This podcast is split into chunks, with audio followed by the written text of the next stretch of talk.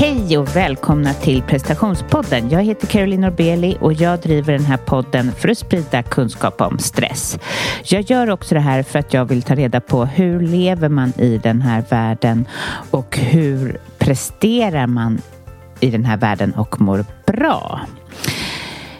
Eh, prestationspodden har ett nyhetsbrev och vill du ha mina bästa tips mina bästa, mina gästers bästa tips eh, och kanske tips på mina retreats och annat och kanske en bokutlottning så gå in på carolinorbeli.com. Ja, det har varit en härlig tid för mig här några dagar för att jag fyller år den 28 november.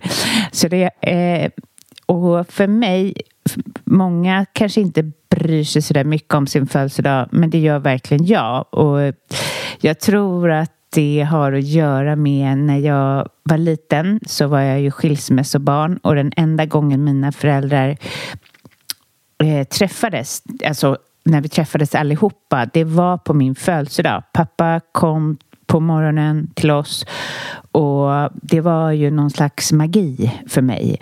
Och samtidigt också så kom släkten hem på kvällen. Det var väldigt bra gjort av dem skils, eh, i, i, i skilsmässan på något sätt. Att de kunde stå ut med varandra helt enkelt.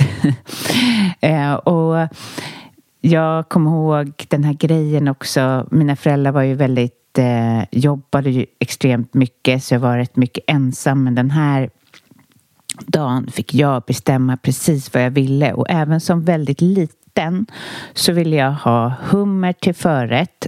Det låter ju som att jag hade en konstiga eh, krav, men hummer till förrätt och pannkaka till huvudrätt. Och då, där satt liksom hela släkten, farmor och alla fick acceptera menyn. och det var härligt av mamma att hon gjorde det där. Det sätter så otroligt mycket spår eh, i mig. Jag har alltid firat min födelsedag mer än någon annan kompis och jag ser alltid till att eh, samla mina vänner. Och man tror ju innan, speciellt efter pandemin, att gud vad jobbigt det här kommer bli att ta hem vänner och så här. Det är som att man är som en människa som kommer ut från en grotta på något sätt som måste typ städa upp hela hemmet. Men det där är ju bara illusioner. Alla kommer ju och är, alltså ens vänner älskar ju komma till en hur man än har det. Och jag tycker faktiskt att vi borde alla, att det borde bli som en rörelse där, där man mera såg. Jag menar nu har det ju blivit extremt dyrt att gå ut och äta på restaurang och vi behöver ju ses mer hemma. Och att man inte gjorde, inte tände de här doftljusen och inte håll på och gör till sig så extremt mycket, speciellt om man inte har tid. För jag kan tänka mig ni som lyssnar på podden att ja, eh, ofta, jag antar att ni har rätt mycket stress i livet och det är så viktigt att ses. Det är så viktigt att känna att även i tider då det är mycket, man har mycket att tänka på ehm, så är det ju viktigt att ses, att få den mänskliga kontakten. För jag tror att du som lyssnar kanske kan känna igen dig om du har haft mycket stress. Vid hög stress och när man har mycket så är det enda som blir viktigt är prestationen. Man tappar lite den här kärleken till andra människor faktiskt. Och eh, man, alltså, man orkar ju inte med andra. Och eh, när det är mycket, mycket så här julklappar som ska göras och allting blir ganska prestationsbaserat. För även om vi skulle vilja säga att ge bort julklappar är kärleksfullt så blir det ju en prestation. Så är det viktigt att börja eh, att börja alltså vad ska jag säga, att börja bryta det mekaniska i livet. För om du har jättemycket på jobbet, du bara presterar, presterar, presterar, du kanske knappt, eller du säger hej till folk men du, du, men du, men du känner inte att du säger hej, hej till folk. Det är mer en artighet. Du bara springer till ditt bord, fortsätt börja jobba. Du kanske sitter hemma och jobbar, har knappt någon kontakt med människor. Det kan bli farligt eh, då uppmanar jag ofta till mina kunder att börja bli mera mänsklig. Att börja säga hej till grannar, alltså hej på riktigt och se dem. Inte bara hej och springa rakt in och börja fortsätta med det som du tror är viktigt utan eh, börja säga och börja kanske på tunnelbanan se om du kan möta någons leende. Om det är svårt så kanske le till någon annan. Börja identifiera om du kan liksom vara mera mänsklig. För det här schemat som du har, beta av, beta av, beta av, beta av, det gör dig me mekanisk. Men om du väver in lite mänsk ett lite mänskligt beteende där ett till exempel ett samtal till en kompis är jätteviktigt och kanske att du inte bara ringer upp och sitter och lyssnar och håller på med mobilen och gör någonting annat utan verkligen lyssnar. För hur stressad du än är så har du den tiden och det här kan vara en hjälp för dig att komma ut ur det värsta. Ut ur den värsta stressen menar jag. Så hur kan du vara mindre mekanisk och vad kan du väva in i din vardag för att du ska bli mer mänsklig? Börja med att liksom se dig omkring. Eh, vilka är det som försöker få kontakt med dig och ge dig värme Eh, och om det inte är någon så bli inte bitter för det utan ge andra värme. Stanna upp. Stanna upp när du står på Pressbyrån och köper någon. Säg någonting lite extra till den som står där. Även om du har massa deadlines och så, så det tar ju inte längre tid. Men det gör dig mer, mer, mer levande och det minskar risken till utmattning. Jag har ju platser nästa år i min coaching. Alltså, det går bra att träffa mig redan nu för att eh, se om jag är bra coach för dig. Jag coachar ju människor som har tappat kontakten med sig själv, för mycket stress, ehm, för mycket prestationskrav, vill någonting annat i livet, inte trivs med sin tillvaro och har svårt att ta hand om sin stress, sin, sina prestationskrav och om sig själv. Så är du intresserad av att göra förändring i livet så är du varmt välkommen att signa upp på carolinnorbeli.com. Och eh, en, den bästa julklappen till dig själv är väl ändå att åka med mig på retreat till Deja eh, där vi yogar, vi vandrar, vi äter hälsosam mat och eh, det går bra att åka med en vän eller åka själv.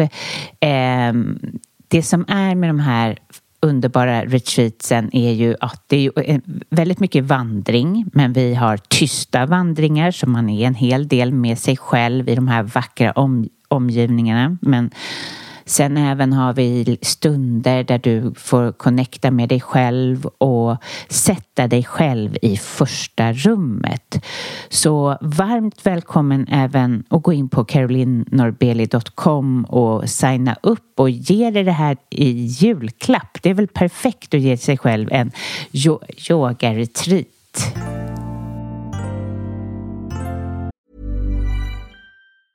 Have catch yourself eating the same flavorless dinner three days in a row? Dreaming of something better? Well, HelloFresh is your guilt-free dream come true, baby. It's me, Gigi Palmer.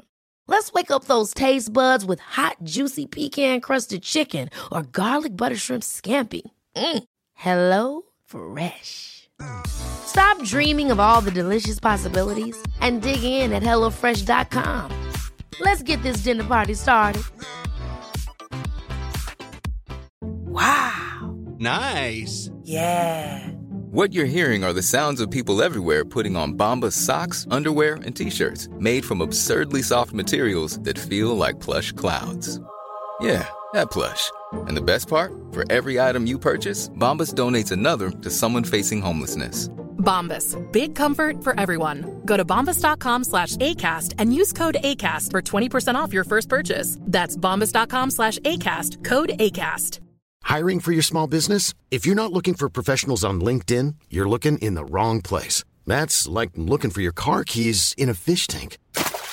LinkedIn helps you hire professionals you can't find anywhere else, even those who aren't actively searching for a new job but might be open to the perfect role. In a given month, over 70% of LinkedIn users don't even visit other leading job sites. So start looking in the right place. With LinkedIn, you can hire professionals like a professional. Post your free job on linkedin.com slash people today. Here's a cool fact. A crocodile can't stick out its tongue. Another cool fact, you can get short-term health insurance for a month or just under a year in some states. United Healthcare short term insurance plans are designed for people who are between jobs, coming off their parents' plan, or turning a side hustle into a full time gig. Underwritten by Golden Rule Insurance Company, they offer flexible, budget friendly coverage with access to a nationwide network of doctors and hospitals.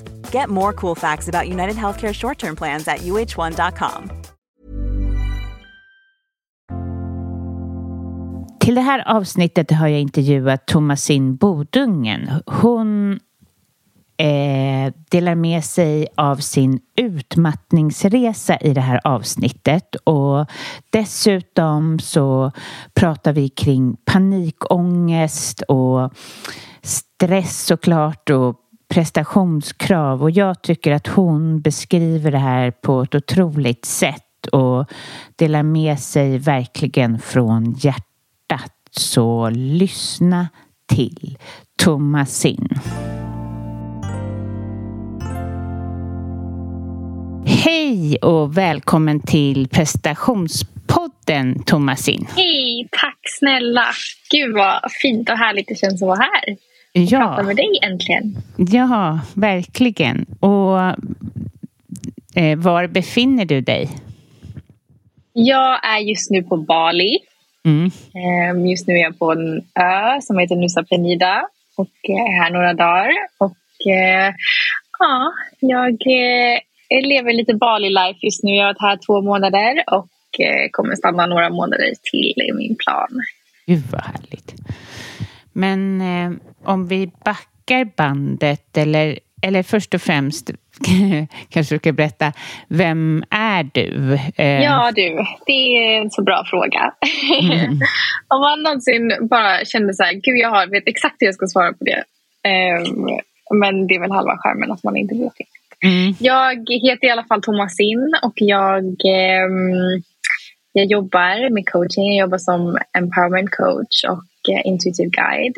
Så jag jobbar med, personlig utveckling, mindset, spiritualitet Ehm, och med grund i min egen utmattning som jag gick igenom för ett par år sedan så ehm, försöker jag eh, på det sätt som jag kan och är menad att hjälpa andra till mer medvetenhet, närvaro och bara ehm, tacksamhet och kärlek och lycka för livet. Och den här high on life känslan. Det kanske blir lite svengelska nu kan jag varna för eftersom jag nu är på Bali och pratar engelska mest hela tiden. och jag gör också det när jag jobbar Mm. mycket. Så att jag bara så, ger en liten heads up för att det kanske blir lite svengelska. Jag hoppas att det är okej. Men eh, om vi backar bandet så har det ju inte varit så för dig hela tiden. Utan det som kanske fick dig, alltså när vi, anledningen till att du är med i podden mer var ju hur det var förut då. Och eh, berätta, var, var befann du dig innan du brände ut dig? Innan jag brände ut mig så var jag... Eh, det finns liksom så många olika nivåer på det här men, men jag var liksom rent fysiskt då, eller vad man ska säga, så var jag väldigt... eh, jag var på ett jobb, jag pluggade väldigt mycket, pluggade på Handels, eh, var väldigt så här, eh, ambitiöst driven, du vet det skulle vara bästa möjliga alternativet. Jobbade under tiden som jag pluggade, gick direkt sen efter plugget och började jobba. Ehm, och då började jag jobba inom marknadsföring. Ehm, Och var väldigt så här, typiskt liksom ung och driven, eller vad, jag vet inte om det är rätt ord för det, men Eh, så. Jag skulle liksom mm. göra karriär, du vet, det var det viktigaste. Jag skulle få mycket ansvar och ha bra lön och vet, göra framsteg och klättra på stegen och alla de här sakerna som, mm. man, som många säkert kan känna igen sig i. Och eh, jag gjorde det. Jag jobbade mycket och hårt och vet, tog på mig mycket ansvar i min egen roll och så kom det upp en annan roll och du vet, jag bara så ja men absolut jag tar den rollen också, det blir jättebra. Och sen var det något specialteam som skulle göra någonting och så blev jag tillfrågad att vara med där och jag liksom bara absolut, ge mig allting, det är kanon. Och det, eh, ja det blir ju inte kanon kanske förstår Nej. man ju så här i efterhand. Men, men där och då kändes det ju jättebra. När man är liksom så himla prestationsorienterad. Och, ja, men för mig var det liksom väldigt mycket av mitt egenvärde låg i, i min prestation och att få bekräftelse för min prestation. Och det fick jag ju väldigt, väldigt mycket då. Um, ja, så där var jag innan liksom på ett mer fysiskt plan, eller vad man ska säga. På liksom högre plan eller mer liksom, eh, energimässigt plan så var jag väldigt, ja, men väldigt eh, eh, vad säger man, disconnected, väldigt frånkopplad mig själv och liksom min egen kropp och vad som är viktigt för mig och vad som är sant för mig. Och liksom, jag var väldigt så här, bara i mitt, i mitt huvud eh, och väldigt fokuserad på liksom vad jag kunde tänka mig fram till var det bästa alternativet för mig eller vad som skulle vara rätt eller vad som vet, generellt anses vara bra eller rätt och så vidare. Och jag jag tror inte att jag någon gång någonsin i mitt liv innan min utmattning frågade mig själv men vad, vad är rätt för mig? Eller vad, vad vill jag göra? Eller vad känns kul att göra? Det var liksom bara så här, men det spelar ingen roll för jag gör det som är rätt. Eller det som är det bästa alternativet. Och om det liksom, skulle ha någonting med vad jag kände i hjärtat att göra. Det fanns liksom inte ens vet, på kartan. Det var inte någon en tanke jag någonsin tänkt eller en fråga jag någonsin fått. Precis, och det är ju många som är där, tänker mig jättemånga som lyssnar som, som känner igen sig att man, och de kanske är i det man gör. Eh, man vet inte varför och varför man stressar så. Eh, och eh, varför tror, vad tror du det var, varför hamn, har, vi, har vi så många hamnat i det? Alltså jag tror ju att en väldigt stor del av det är just att vi är så, att vi är så himla frånkopplade. Att vi, inte, att vi inte har naturligt det här i att vi ska lyssna på oss själva och lyssna in och um, lyssna på hjärtat. Liksom. Att det är för många är så här, oh, men gud, lyssna på hjärtat, vad är det liksom? Men att det är så här, att det inte kommer självklart för oss att lyssna på oss själva och göra det som känns rätt utan att vi är så otroligt mycket i vårt eget huvud och vi gör det som vi kan tänka är rätt eller det som någon annan tycker är rätt. Att vi har det här enorma behovet av att vara rätt mm. på ett sätt. Precis. Och, och att den, liksom, den, bilden av, eller den åsikten eller den, det som är rätt inte kommer från oss själva utan att det finns någon form av generell uppfattning beroende på var man kommer ifrån, beroende på vad man har för uppväxt, föräldrar omkring sig, vänner, vad man liksom, alla de här sakerna. Det liksom konditionerade beteendet och tankemönstret som man har med sig. Liksom, ger någon form av summa summarum att försöka leva upp till. Precis. Och det sjuka är att det slutar ju inte bara för att man blir vuxen. Utan jag tror faktiskt att det kanske till och med blir mer. Alltså alla säger så här, ja, ungdomarna vill bara vara så lika varandra. Men jag kan se att jag tycker att vi väl strävar efter väldigt lik, en lik väg. Eh, mm även om jag tittar runt om mig där jag bor i ett villaområde. Det är inte direkt så att det är jätteolikt. Vi har samma grill och samma bil och alltså det är väldigt mycket samma. Och det är ja. ju en indikation på att det undrar hur många det är som egentligen vill leva precis så. Mm, precis. Eller hur? Ja. Många frågar sig själv, gud är det här verkligen det som jag vill ha? Är det verkligen den här grillen mm. som jag vill ha? Eller är det bara den som jag ser mm. alla andra ha och det verkar vara det som är det bästa alternativet? Och jag tror faktiskt att det är vissa som vet att de vill egentligen något annat. Men mm. att man infinner sig i och barnen ska ha sorellkängor. Alltså ja. i vissa umgängen. Ja. Nej, men att det blir väldigt eh, ja, likriktat. Verkligen. Och som du säger, att det nog är många som känner, och många som kanske inte ens vågar eller vill eller kan sätta ord på att man men faktiskt kanske inte riktigt vill ha det så. Utan att det bara är den här liksom gnagande känslan hela tiden som jag tror väldigt många kan känna igen sig i. Att det, är så här, men fan, det är ändå någonting som skaver lite.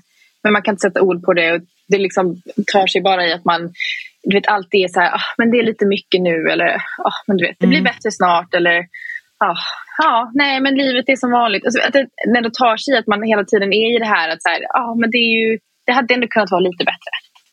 Mm. Det är mm. liksom bra och så. Allt är ju bra, livet mm. är bra. Men det är ändå någonting som fattas. Man har ändå den här känslan av att men, vet, det är någonting som skulle kunna vara lite bättre.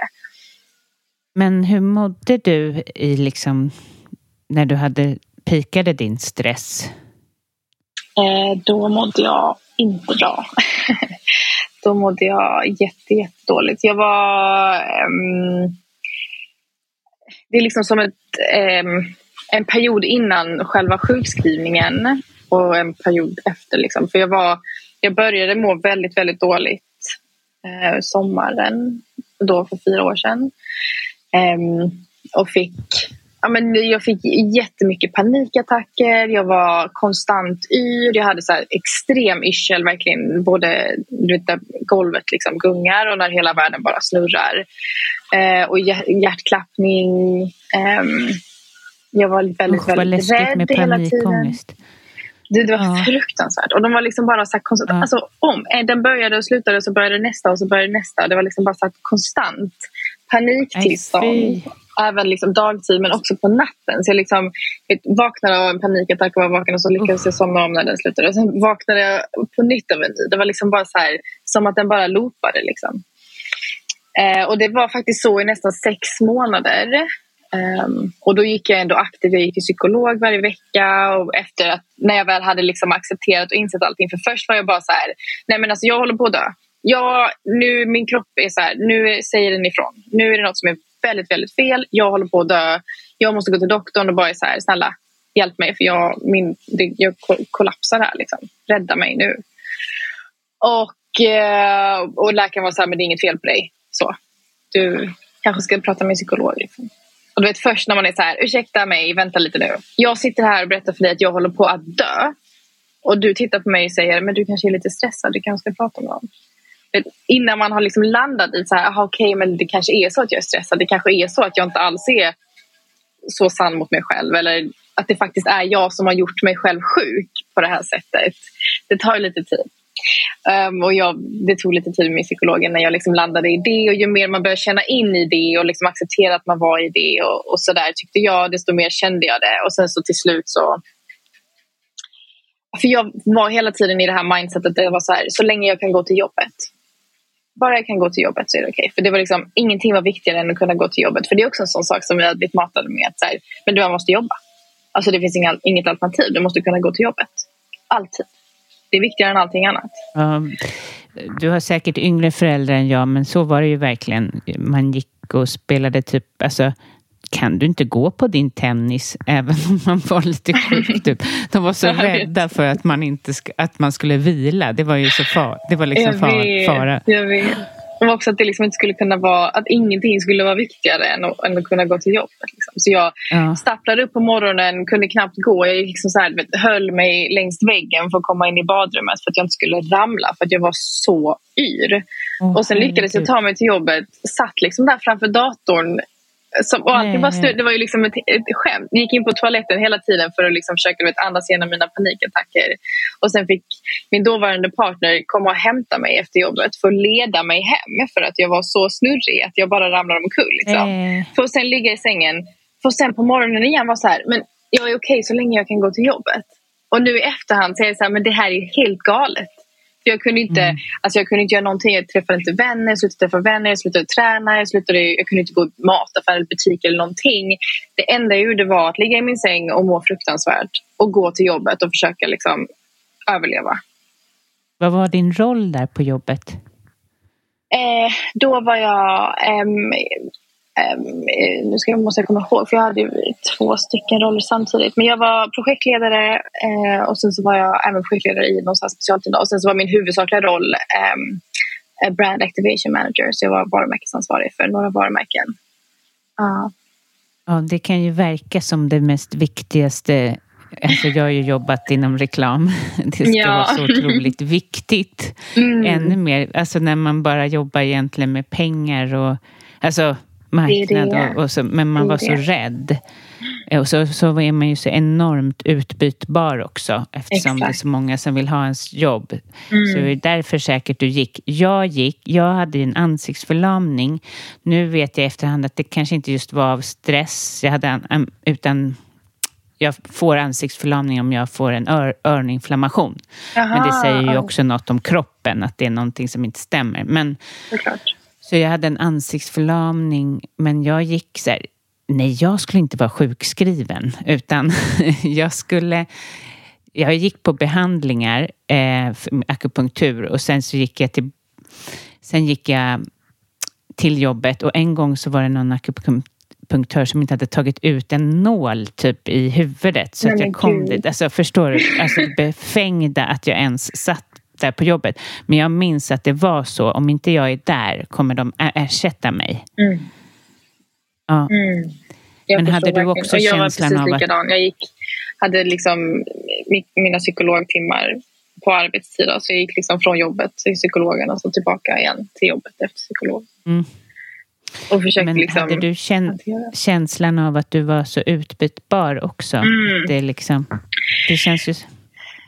Ja, um, det hade jag ju absolut. Men jag tror inte att det var... Jag hade liksom inte någon så skräck över att jag inte skulle... Eh, eller skräck, med rädsla över att jag inte skulle kunna hitta ett annat jobb. Um, tror jag inte att jag kände så. Att jag var så här oj men de kommer sparka mig. Det var nog inte någon rädsla så utan jag var mer så här, jag var rädd över att jag inte skulle kunna gå till jobbet för att det liksom skulle innebära någonting så mycket större. Också för att vet, jag vill inte vara en som, som inte kunde gå till jobbet. Liksom. Eftersom jag bara la hela mitt eget värde i, att, i min prestation. Och att ja, kunna prestera Det kanske var jobb. lite samma för mig också. Ja. Mm.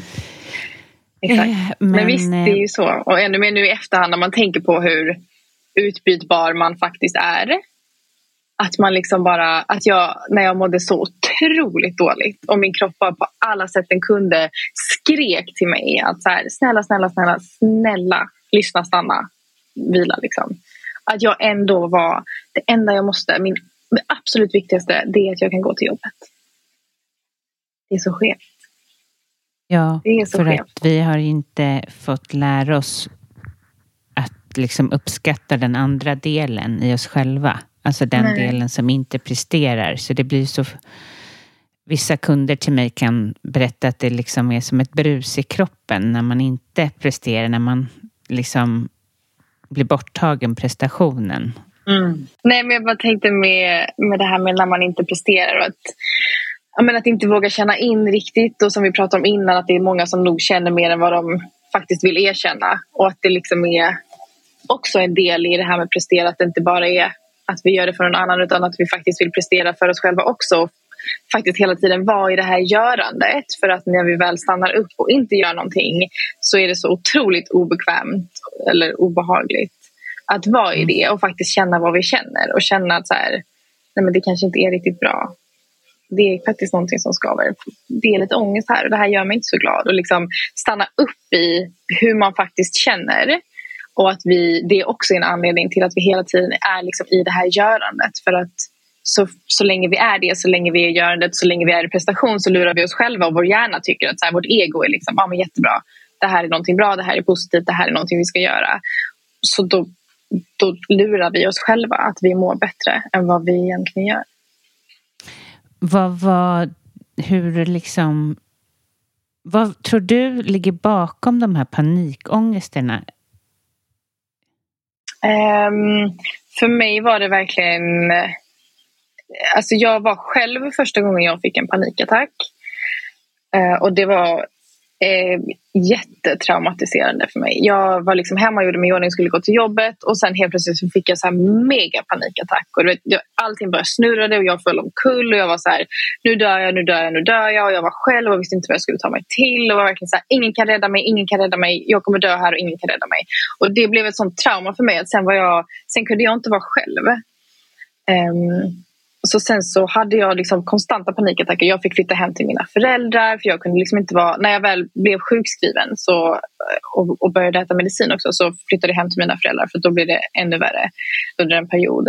Och då... Ehm, ja, jag kunde inte vara ensam en sekund. Jag kunde liksom inte gå på toaletten med stängd dörr för var jag ensam i ett rum så var jag så här, nu dör jag. Nu dör jag och ingen är här för att rädda mig.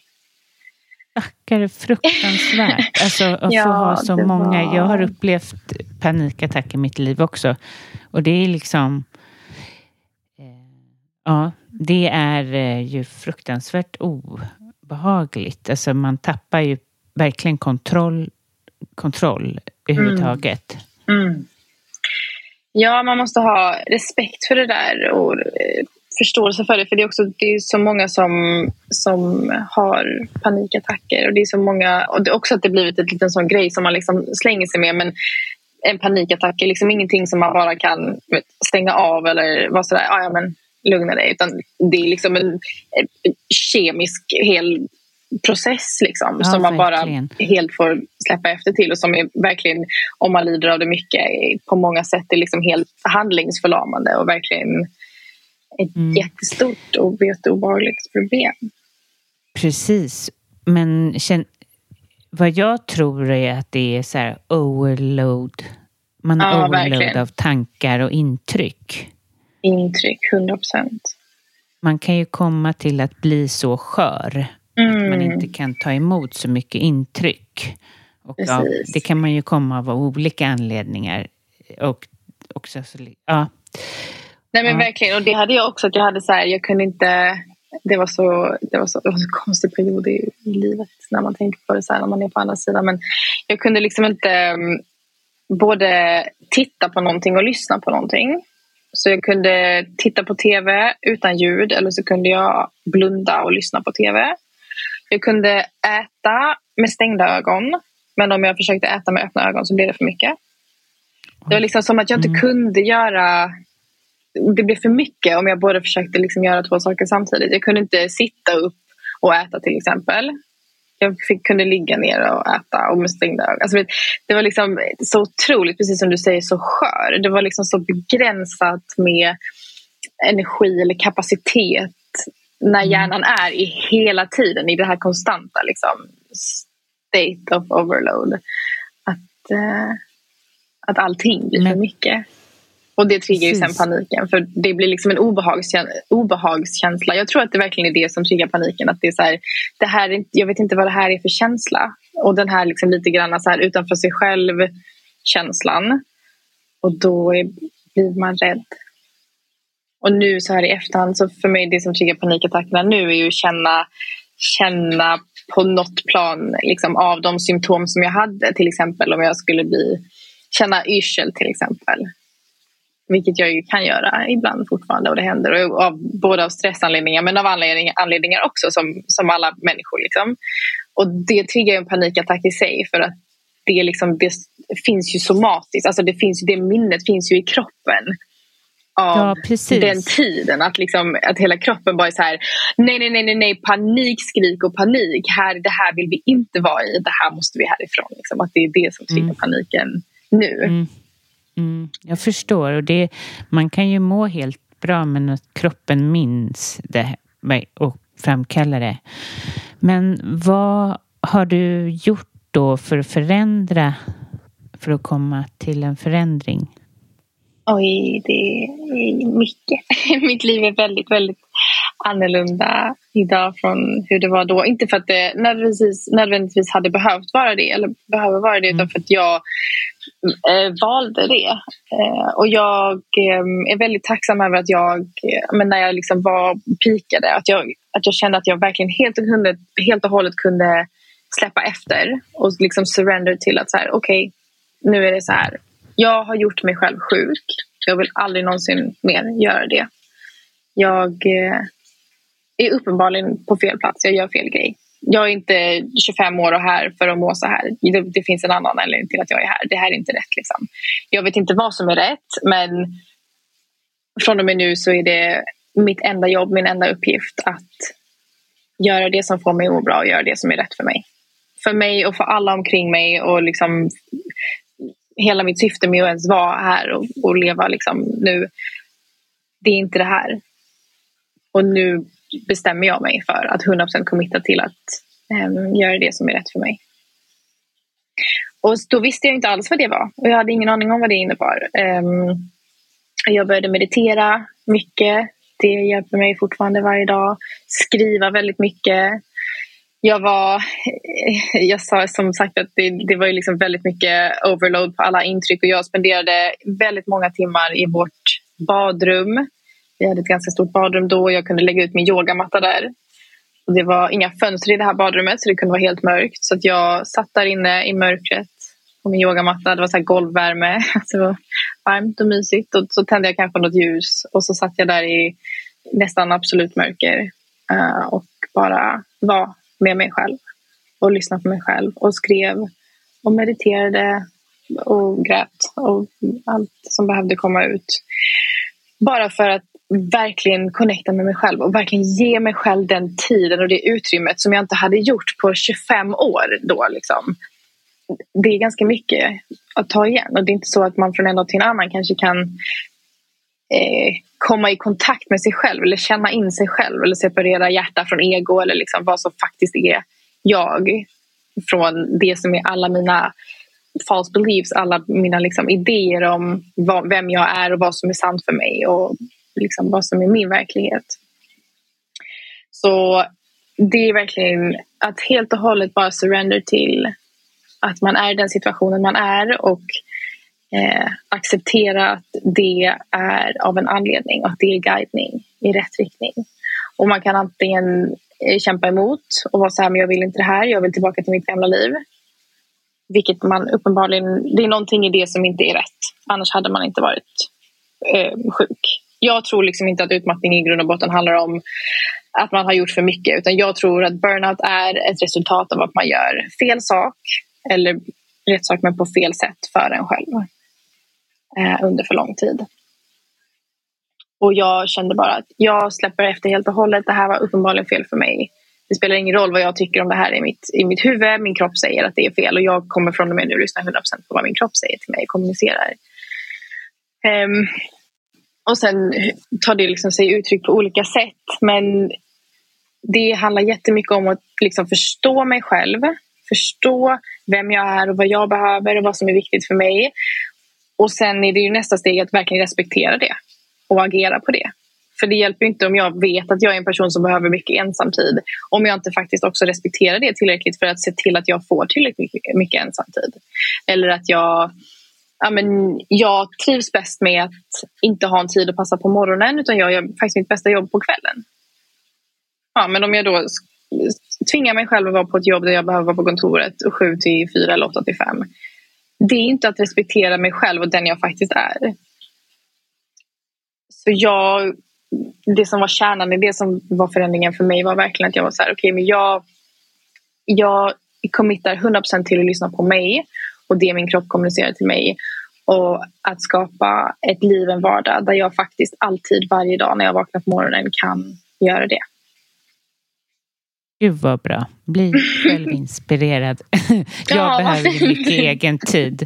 Mm. Nämligen. Eh, så att det klingar in till mig där lite ja. grann. Och det är därför jag jobbar som jag gör också. Eh, mm.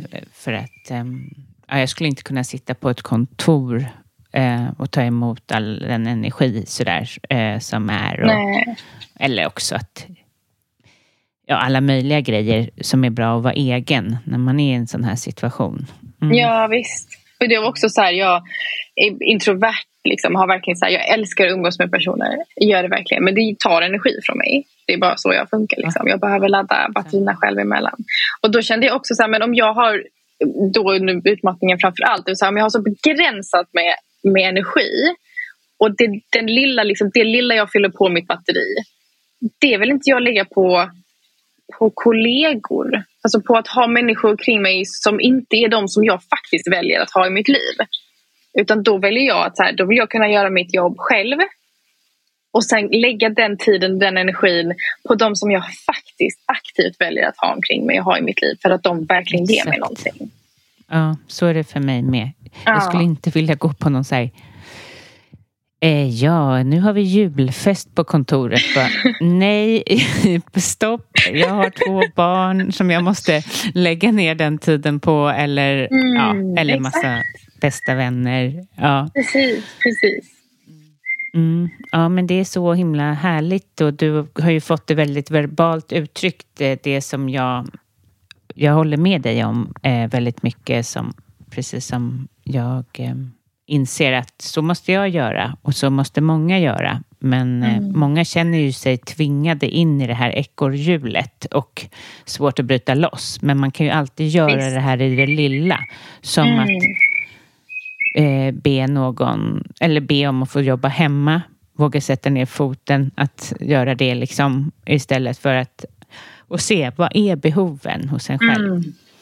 Exakt, och det tror jag är nyckeln till hela grejen. Förlåt, nu hoppar jag in här med en sista grej. Men att man, att man, när, man, när man känner att det här, eller om det är någon som lyssnar på det här känner så här, ah, men jag har den här skavande känslan. så här, ja, jag fattar vad du menar med att det liksom, allt är ju bra. Jag bor ju, har ju ett bra jobb och bor fint och min familj är glad och allt så här. Men fan, det är ändå någonting som oh, jag mm. orkar inte bara gå i det här. Liksom. Är det inte bättre än så här? När händer det? Liksom? Att man har den känslan och att man då är så här... Att man försöker att inte försöka hitta lösningen på det överallt runt omkring sig. I att så här, ja, men om jag bara kanske testar det här nya träningssättet istället eller om jag bara spenderar mer tid med vänner eller om jag bara köper den här fina grejen eller om jag bara åker på semester lite oftare eller vad det nu kan vara. Att man då försöker att ta ett steg tillbaka från det och ta distans och vara så här, okay, men lösningen finns faktiskt i att jag bara är med mig själv och lyssnar på mig själv. Och det kanske ja. inte är så att man behöver ett nytt jobb eller ett nytt hem eller vad det nu kan vara. Det kanske bara är så att du behöver faktiskt sitta med dig själv fem minuter varje morgon för att checka in med dig själv och, och se vad du behöver just idag. Jag tror många är så här, men gud, och här sitter jag liksom, här sitter jag då på Bali och har startat mitt eget företag och allt det här. Men det råkar vara min dröm. Det råkar vara det som jag verkligen längtar efter och det som liksom verkligen lights me up just nu. Det behöver inte betyda att det är det för alla. Långt ifrån. Liksom. Precis. Och... och det spelar ingen roll hur, om man inte gör någon förändring så kommer man må precis likadant när man åker till Bali som man gör hemma ändå. Liksom. Tog du dig dit helt själv och startade upp ditt egna? Eller hur går det till? Du coachar på distans antar jag? Det gör jag. Um, och det gjorde jag, började jag göra redan innan jag åkte hit. Så det gjorde jag hemma mm i Sverige. Men det är liksom återigen ett steg i den här processen där jag i, liksom, i mitt grundcommitment till mig själv som är att jag vill skapa den här vardagen där jag varje dag kan vakna upp och känna och lyssna på min kropp och säga vad behöver jag idag? Är det här det som är rätt för mig? Um, och där jag liksom verkligen kände ett behov av att så här, men jag, jag kan inte vara i någon så här, någon, när någon, där någon annan bestämmer att jag måste vara på en viss plats ett visst, en viss tid. Liksom. Det funkar inte för mig. Om mitt commitment är att jag kan vakna varje dag och lyssna på vad min kropp säger till mig. Liksom. Um, och så började liksom, ja, men, um, tanken på att vara min egen och sen så återigen att jag helt och hållet um, bara kände att okay, det här är inte rätt grej. Jag vet inte vad som är rätt grej och jag kommer inte kunna tänka mig fram till det. Jag måste känna mig fram till det här. Så jag låter mig bli guidad i det. Ehm, och så kom jag in på reiki, eh, började med reiki healing. Uh, eh, hade ingen tanke på att ge behandlingar men när jag väl gick reiki-utbildningen så kände jag men gud om jag nu kan dela det här med någon så måste jag göra det. Det här är helt otroligt. Började ge behandlingar, började genom behandlingar eh, och då delade jag också mycket det som kom till mig under behandlingen. Så, där, så då blev det ofta liksom ett samtal efteråt. Vilket jag kände var så här, men det är jättefint att folk kommer till mig för healing men, men den här stunden efteråt är så mycket mer läkande och det ger de som kommer till mig möjlighet att läka sig själva vilket jag tycker känns ännu mer värdefullt. Och så kom jag in på coaching och utbildade mig inom det. Eh, och idag så jobbar jag då med liksom en kombination av, coaching och intuitiv guidning och eh, delar mina egna erfarenheter och det jag själv jobbar med hela tiden. Så det är liksom en kombination av allting eh, som jag jobbar med på distans genom program och genom individuella samtal och sådär.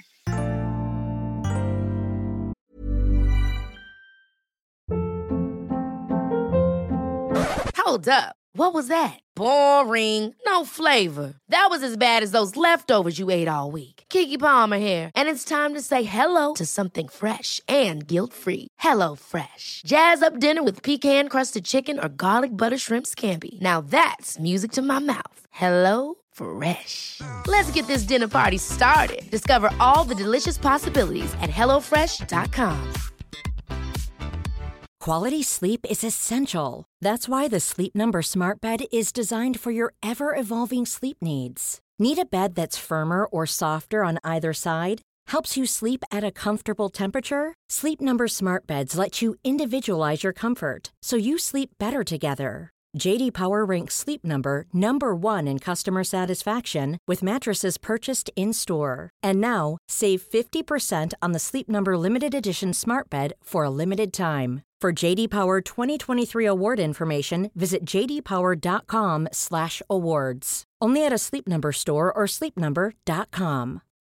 Life is full of what ifs. Some awesome, like what if AI could fold your laundry? And some, well, less awesome, like what if you have unexpected medical costs? United Healthcare can help get you covered with Health Protector Guard fixed indemnity insurance plans. They supplement your primary plan to help you manage out of pocket costs. No deductibles, no enrollment periods, and especially no more what ifs. Visit uh1.com to find the Health Protector Guard plan for you.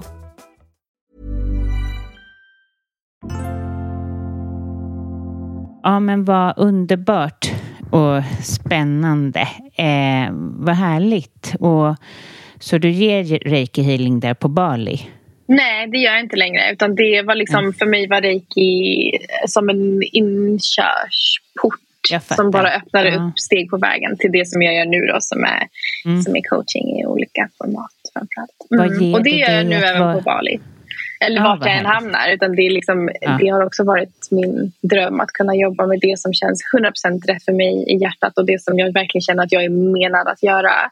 Och samtidigt kunna göra det precis vad jag vill och när jag vill och hur jag vill på det sätt som är mest alignat med, med mig och där jag är liksom i livet just nu. Mm.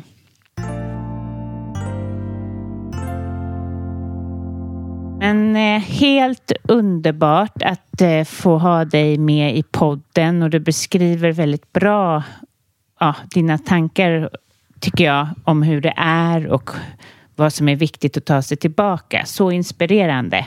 Tusen tack. Vad fint. Jag, jag kan prata, prata mycket och länge om det här. Det ligger mig varmt om hjärtat. Så jag är så glad och tacksam över att jag fick vara med här och prata med dig. Men tack så mycket och ha det underbart på Bali. Ja, tusen tack.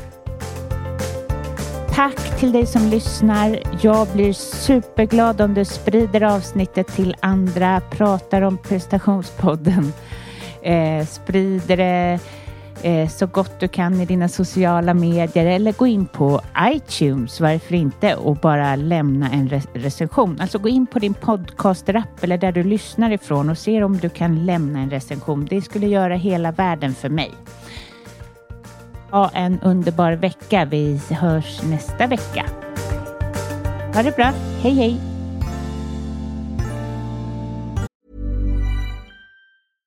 Have catch yourself eating the same flavorless dinner three days in a row? Dreaming of something better? Well, HelloFresh is your guilt-free dream come true, baby. It's me, Gigi Palmer. Let's wake up those taste buds with hot, juicy pecan-crusted chicken or garlic butter shrimp scampi. Mm. Hello Fresh. Stop dreaming of all the delicious possibilities and dig in at HelloFresh.com. Let's get this dinner party started. When you need mealtime inspiration, it's worth shopping Kroger, where you'll find over 30,000 mouthwatering choices that excite your inner foodie. And no matter what tasty choice you make, you'll enjoy our everyday low prices, plus extra ways to save, like digital coupons worth over $600 each week. You can also save up to $1 off per gallon at the pump with fuel points. More savings and more inspiring flavors make shopping Kroger worth it every time. Kroger, fresh for everyone. Fuel restrictions apply.